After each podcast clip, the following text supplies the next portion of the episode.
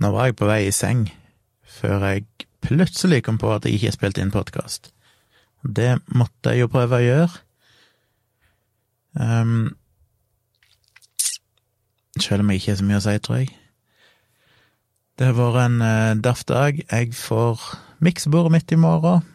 Det blir et høydepunkt. Jeg elsker jo å få noe nytt utstyr som kan gjøre kvaliteten på ting bedre. Spare meg for arbeid, at ting er litt mer effektivt. Så det blir eh, spennende. I morgen så kommer dattera mi på kvelden. Hun flyr jo her fra Kristiansand. Som sagt, lenge siden jeg har sett henne, så det blir gøy. Vi skal gå på butikken og shoppe noe glutenfritt til henne, for hun er jo cøliaki. Så jeg må alltid huske å kjøpe noe glutenfri glutenfritt brød og noen sånne faste ting som hun liker å ha. Og så blir det en koselig fredagskveld. Alltid så koselig noe er her, for da kan vi lage middag eller et eller annet og se på noe på TV og sitte og spise, og det blir, blir stas. Ellers så um, Jeg jobba i dag Ja, jeg var også på øyelegen, ja. Det var vel egentlig det som skjedde i dag. En tur til øyelegen, det vil si Tørrøyklinikken på Majorstua. Kom jo altfor seint, fordi jeg hadde gikk ned og skulle ta toget. Så var selvfølgelig den avgangen innstilt, og den avgangen etterpå, som kom et kvarter seinere, den var jo da ti minutter forsinka. Så jeg kom ikke av gårde før nesten en halvtime etter det jeg skulle. Så ringte jeg jo til Tørjeklinikken og tenkte jeg skulle si ifra at jeg ble forsinka, og hvorfor jeg ble forsinka.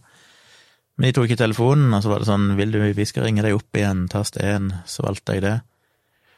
Men de ringte meg ikke opp igjen før seint i ettermiddag etter jeg hadde vært der, så det, og da gadd jeg ikke ta telefonen, for jeg så at det var deg, så tenkte jeg ah, det her er awkward, jeg bare ignorerer det.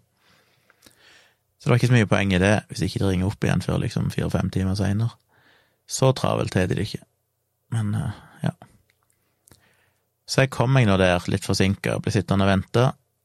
Måtte av med sko, sprite hendene, på med munnbind. Eh, som jeg òg hadde jo på toget, men da har jeg mitt eget munnbind. Men der inne fikk jeg et sånn kirurgisk munnbind. Så gjør de jo en forundersøkelse først, samme som sist, der de eh, en eller eh, annen fyr, ikke selve øyelegen, men en annen fyr, assistent, holdt jeg på å si, som eh, kikker inn i øynene og tar bilde av øynene og drypper noe sånn oransje væske i øynene, så jeg alltid glemmer vekk, så seinere på dagen og ser meg i speilet, så er jeg helt oransje rundt øynene mine, for det er liksom tørka inn. Men ja. Og så måtte jeg sitte og vente litt igjen, og så kom jeg inn til øyelegen, og han sa at det var ikke så mye bedre enn sist, og det følte jeg vel sjøl òg. Han kunne fortsatt se at det var betent og et eller annet greie. Så han konkluderte vel med at jeg hadde et Han ga meg en slags diagnose som jeg ikke husker et langt ord, men som egentlig bare sier at de talgkjertlene i øyelokkene ikke produserer klar væske sånn som de skal. De skal jo produsere en slags sånn gelé som skal legge seg som ei hinne over tårene, som igjen ligger over øynene, sånn at ikke den tårevæska fordamper med en gang. Eh, og det funker ikke helt nå, og det er derfor jeg blir så tørr i øynene. Så det han sjekker da når han kikker, og så trykte han liksom på de der tåre... eller de der talgkjertlene, og istedenfor at det kommer ut helt sånn klar eh, væske av de, så er han litt sånn litt sånn eh, cloudy, litt sånn eh, melkeaktig, holdt jeg på å si. Og iallfall én av tallkjertlene, så kom det ut det han kalte for tannkrem. Appetittlig. Så vil basically bety at det er mer sånn ja, ei tjukk smørje. Så egentlig så var konklusjonen at den ene tingen som jeg ikke hadde gjort, nemlig å varme opp vann til minst 40 grader og legge på øynene i ti minutter, og så massere øyelokkene opp og nede for å prøve å smelte den der talgvæska og liksom klemme den ut. Det var vel kanskje egentlig det som hadde vært det viktigste å gjøre. Så da må jeg vel bidra i det sure eplet og prøve igjen. Nå fikk jeg vel resept på to nye medisiner. Begge er vel noe sånn kortisongreier. ene var samme som sist, men òg en sterkere en. Jeg skal dryppe en sånn sterkere kortisondråpe i øynene i ti dager, og så en litt mildere inn i ti dager. Og bruke de der eh, Oftagel, som det heter, de der som jeg bruker fire ganger om dagen, gelégreiene i øynene. for å holde de fuktige. Men i tillegg, da, faktisk gjøre dette her med å varme opp øynene og, og massere øyelokkene. Så jeg må bare finne en eller annen effektiv måte å gjøre det på som ikke tar så himla lang tid. Som i praksis bare betyr at uh, eneste måten å effektivisere det på, er jo i så fall å ta begge øynene på en gang, heller enn ett et øye. Så tar det kanskje ti minutter istedenfor 20 minutter. Så jeg må se hva jeg kan få til. Så det skal jeg begynne med i morgen. Da skal jeg gå på apoteket og få henta de der reseptmedisinene. Så får vi se om det hjelper. Så jeg spurte han liksom, ja, er dette her en kronisk tilstand? Eller vidt kronisk så lenge han varer lenge, men er det noe du liksom har for livet? Så sa han nei, han hadde sett folk som ble helt friske av det. Um, så hvis jeg bare gjorde de her tingene og fortsatte med det, så håpet han jo at det skulle løse problemet. Så da får vi prøve på det. Så skal jeg inn igjen til en ny time over nyttår. Så jeg satt og redigerte litt bilder i kveld. Jeg ga jo opp sist. Kom, fant liksom ikke ut av det. Jeg ble sittende lenge og stange hodet i veggen i dag òg, og jeg har liksom lyst til å lage et preg på bildene. Gjøre de litt mer interessante enn bare sånn de ser ut rett ut av kamera. Men uh, det var et eller annet med lyset og fargene i disse bildene her som som eh, gjorde at uansett hva jeg gjorde, så følte jeg det ble liksom Det, det ble feil hudfarge, eller det ble Det er liksom vanskelig å få justert noe uten at det ikke er påvirka av ting som jeg egentlig ikke ønsker å påvirke. Så jeg prøvde mye forskjellig, men til slutt så tror jeg jeg fant noe som kan funke. Noe som var litt mer enkelt enn det jeg opprinnelig begynte med. Ikke så mye endringer som jeg kanskje hadde tenkt. Og prøvde å smekke den på alle de 30 bildene som jeg plukka ut, og justere litt på de. Og jeg syns det funka ganske bra, men nå skal jeg liksom la det ligge til i morgen, se på de med ferske øyne i morgen, og se om jeg da fortsatt syns det ser greit ut. Så skal jeg tweake litt på de. Så håper jeg kan si meg ferdig om ikke så lenge. Um, så det var det jeg hadde gjort i dag. Så jeg har fått noen meldinger. Jeg fikk en melding av Sindre, som jo er aktiv på eh, både samboerprat og alt, som jeg setter veldig pris på. Han skrev vel en gang at han håpte han ikke var for, eh, for aktiv, men det er han jo absolutt ikke. Det er jo ingenting vi liker bedre enn at uh, folk deltar i diskusjonen og vi samboerprater og sånn, og kommer med kommentarer og meldinger og alt som er. Det gjør jo min jobb mye lettere. Så han hadde vel et lite ønske om noe vi kunne diskutere. Jeg Skal ikke si hva det var, kanskje, for det er for å være til neste samboerprat på søndag, men jeg tror kanskje vi satser på det, i den grad vi har noe å si om det. Men eh, takk for tipset, Sindre. Eller takk for spørsmålet. Skal se om jeg kan ta en liten prat om det du ønsker jeg skulle prate om, og se om jeg har noe fornuftig å si. Ellers så fikk jeg jo òg en melding ifra Tina, som er en ny patron. Uh, og det er jo sånn, jeg fikk en melding av henne i tillegg til at hun ble patron, som inneholdt mange ting som jeg syns er ja, hva skal jeg si, rørende på et vis. Eh, det første er jo at hun er en fattig student, men velger å støtte meg litt allikevel. Og det syns jeg òg er helt Ja, jeg blir jo utrolig glad, men jeg får nesten dårlig samvittighet. Det er sånn, nei, ikke bruk pengene på meg. Det, det, er, det føles jo Ja, det er nesten litt ubehagelig å tenke at noen skal gi meg penger når de har kanskje lite å rutte med. Men eh, det får jo være Tina sitt valg, og jeg setter iallfall utrolig pris på det. Syns det er utrolig snilt å gjøre det. Jeg håper at hun får noe igjen for det over tid. Eh, på den annen side sett, så ja, hun gjorde det for hun syntes det var verdt å få høre stemmen min litt hver dag, men hun påpeker at hun syntes verken stemmen eller dialekten var så veldig fin. men det var tankene som var fine.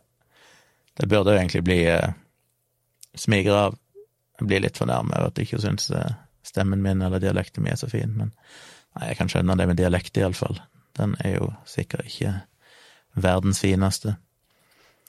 Men det er veldig hyggelig at hun liker tankene mine. Men så kommer jo det som er det mest fascinerende, at hun skriver at hun har fulgt meg i alle år, eh, siden hun var 18 år gammel. Lest bøkene, lest bloggen, hørt på podkast og sånn, og at jeg har bidratt til å forme den hun er i dag, og gjort at hun har blitt en kritisk tenker. Og det er sånn som Det er vanskelig å forholde seg til det. Jeg har fått en del sånne meldinger tidligere der folk sier at ja, at de oppdager meg Det er liksom én ting når folk oppdager meg i godt voksen alder, men som er jo veldig hyggelig, og det er de som jeg er påvirka i godt voksen alder òg, men det er et eller annet spesielt fint når det er folk som oppdager meg i tenårene og begynner å følge meg, og de sier at jeg på en måte har påvirka deres syn på verden og deres holdninger og fått de til å tenke annerledes om ting, og, og ikke minst gjort de til en kritisk tenker. Det føles jo veldig som et stort ansvar, men jeg håper jo at jeg gjennom alle år har prøvd å være ydmyk nok til at jeg er ganske tydelig på at jeg ikke tror jeg sitter inne med noe fasit. Jeg vil ikke ta ansvar for at dere at jeg ødelegger folk. Men jeg får jo håpe at det er positive en positiv innflytelse. Det bare føles som et sånn ansvar å bære at noe jeg, jeg har sagt og meint skal påvirke hva folk, andre folk mener om verden. Som er paradoksalt, for det er selvfølgelig det jeg ønsker. ikke sant? Jeg ønsker selvfølgelig å overbevise folk om at her er det et poeng som jeg har tenkt på, og som jeg tror er rett. Samtidig, som jeg har sagt en del ganger dialogisk, så er jeg litt sånn at hvis folk hører på meg, så får jeg dårlig samvittighet. Hvis jeg er i en diskusjon og så føler jeg jeg vinner debatten, så føler jeg meg dårlig etterpå. Da får jeg vondt av den andre og føler meg ufin, for at hvem er jeg til å, å tro jeg er noe, liksom. Og det er en sånn irriterende følelse. Men eh, det er voksne mennesker som eh, kan ta ansvar for sine meninger, så jeg håper jo at eh, Jeg må jo bare ta det på den beste mulige måten, og jeg syns jo det er veldig, veldig gøy å høre at eh, ja, det er vanskelig å sette ord på det. Det føles jo betydningsfullt, og det føles jo Det blir jo litt den der evinnelige klisjeen med at hvis bare én person på en måte har, har hørt noe jeg har sagt og endra mening om noe, så er det jo på en måte verdt det. Og det er litt sånn å få én sånn melding som jeg fikk nå fra Tina, er jo litt sånn at jeg tenker at ja, ok, da var det verdt det med de tusenvis av timene jeg har lagt ned i det.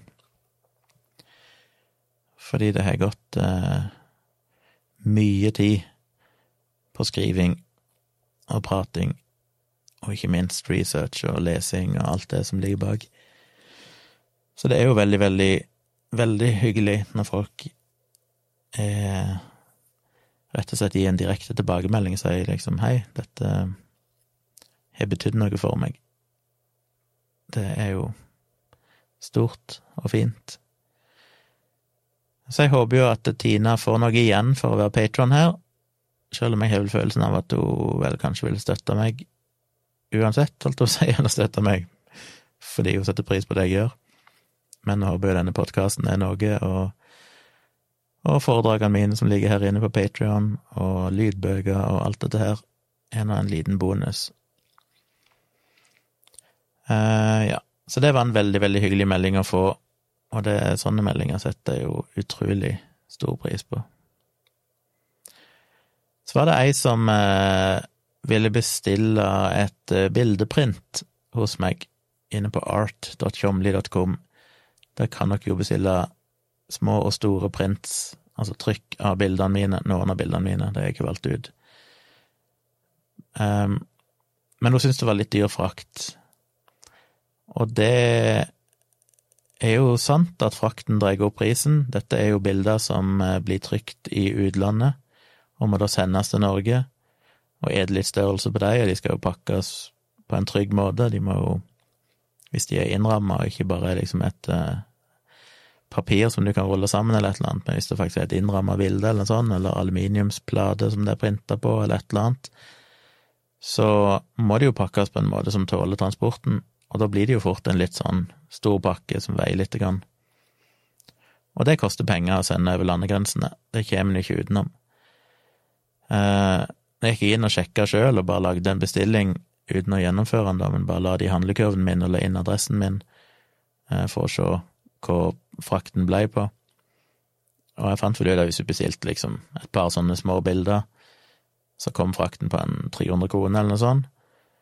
Bestilte jeg eh, et par sånne store aluminiumsbilder, så kom han jo på 800-900 kroner. Og det drar jo prisen, jeg kan jo fort doble prisen på enkelte av bildene omtrent. Men samtidig så er det vanskelig å bli billigere enn det når du skal sende de fra utlandet og til Norge, innpakka på den måten. Så jeg tror ikke det er noen urimelig pris, for å si det sånn, men det er klart at den prisen blir jo forholdsvis messig høy i forhold til produktet i seg sjøl, fordi det er en dyr ting å sende. Så det får jeg ikke gjort så mye med, dessverre. Jeg håper jo folk syns det er verdt det, og som sagt, hvis dere bestiller, så får dere jo 30% rabatt på selve bildet, eller bildene, hvis dere bruker rabattkoden Patrion2020, altså Patrion2020 i ett ord, når dere skal betale, så er det et sånt felt der du kan skrive inn hvis du har en rabattkode, så kan du skrive det inn, og da boom, så regner den ut ny pris for deg. Den rabatten gjelder jo ikke på frakten, for det frakten koster jo det den koster uansett. Den det kan ikke jeg gjøre noe med, det er helt utenfor min kontroll. Men jeg kan gi dere rabatt på selve bildene, sånn at jeg tjener mindre på dem. Um, så jeg håper jo noen vil bestille. Så tenker jeg jo, ja, er det andre måter jeg kunne gjort det på?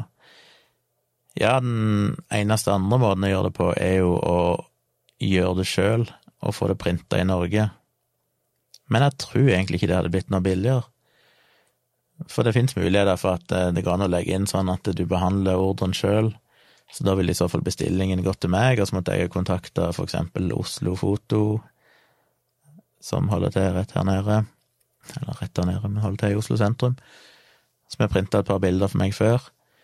Men da må jeg gå til deg, eller kontakte deg, sende de bilder, forklare de format og sånn, eventuelt ramme som skal på, alt dette her.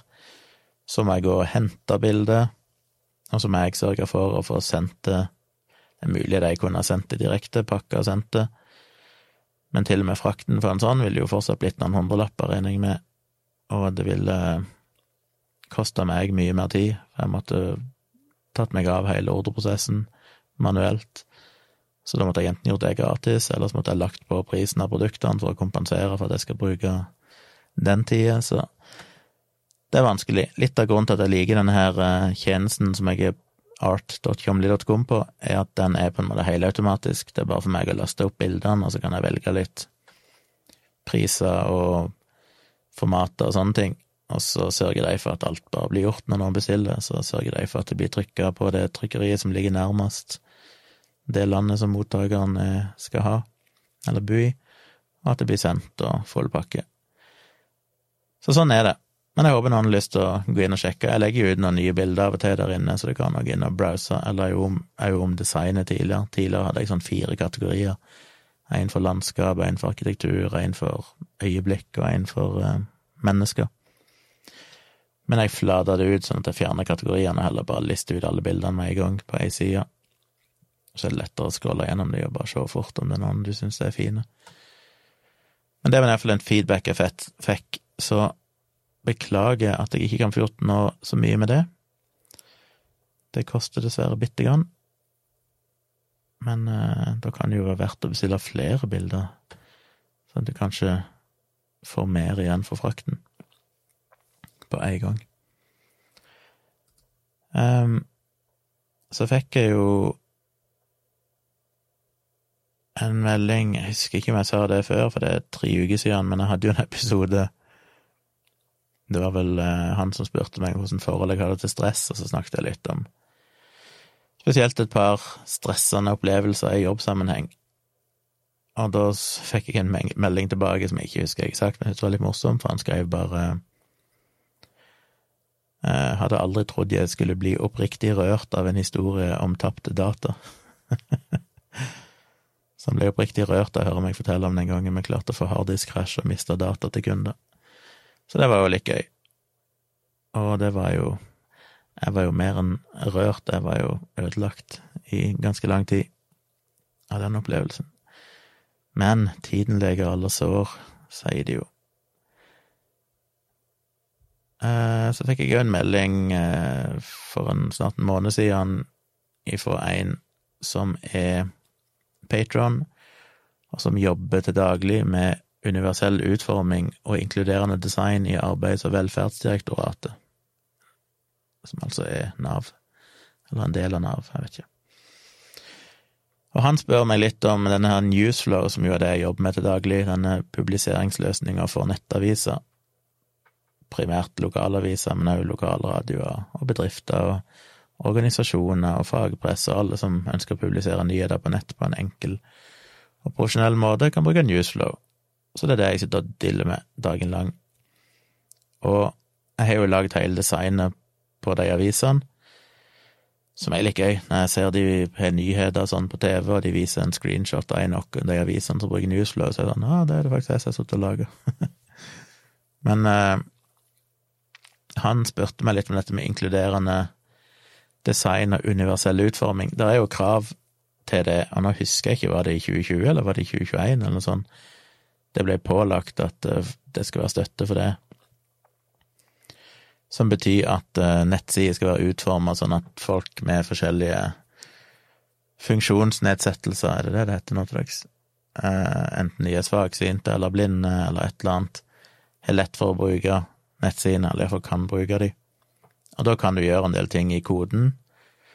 Legge inn en sånn skjult informasjon, skjulte tagger og sånn, som for eksempel gi informasjon til sånne skjermlesere som blinde kan bruke, blinde og svaksynte der de kan navigere på skjermen og sånn uten at de nødvendigvis ser skjermen. Og da må du legge inn litt informasjon, sånn at det systemet vet hva som er et menypunkt, og hva som er en link du kan klikke på, og alt mulig sånn. Og så er det jo litt sånn mer strukturelt, og hvordan fungerer menyen? Er det lett å navigere menyen med den type nettleser som disse her bruker, for det er jo ikke en vanlig nettleser, det er et, et annet program på en måte som leser innholdet på nettsida og presenterer det på en eller annen måte for den som er svaksynt eller blind. Og da er det ikke alt som vil fungere, for det, da trenger det litt mer ofte en liksom primitiv kode. Det må fungere under litt mer primitive forhold. Og det er jeg jo veldig bevisst på, i den grad at eh, jeg satt og husker når jeg, jeg redesigna hele nettsiden vår skrev om nesten all koden her for et par år siden, to og et halvt år siden. Og da var jeg inne og leste en del om det, og prøvde å sette meg inn i det. Men det er jo så mye en skal forholde seg til.